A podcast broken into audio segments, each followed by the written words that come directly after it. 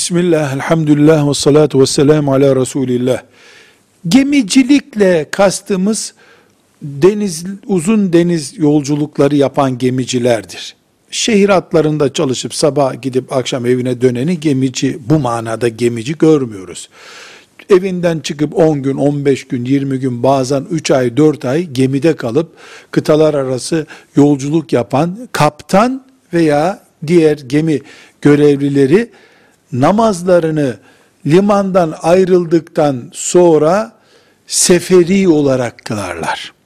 Çünkü mesela e, Haydarpaşa limanından ayrılıp Avustralya'ya gidecek olan bir geminin kaptanı ve görevlileri işte 90 kilometreyi bin defa aşacak büyük bir yolculuğa çıkmaktadırlar. Seferidirler gemide bulundukları sürece veya geminin bir, bir günlük, iki günlük e, dinlenmek için, yük almak için girdiği bir limandaki şehirde bulundukları sürece namazı iki rekat kılarlar. Yani seferi gibi kılarlar. Akşam namazını da tam kılarlar. Cuma onlara farz olmaz.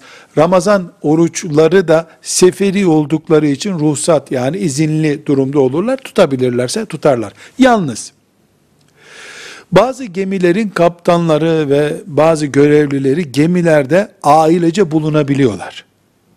Hanımı da yanında bulunarak yolculuk yapıyorsa bir gemici o seferilik imkanlarından istifade etmez. O zaman o dört rekat kılar namazını. Orucu da mecburen tutar. Çünkü o gemide ailesiyle, hanımıyla bulunması demek ev şartlarında bulunması demektir. Velhamdülillahi Rabbil Alemin.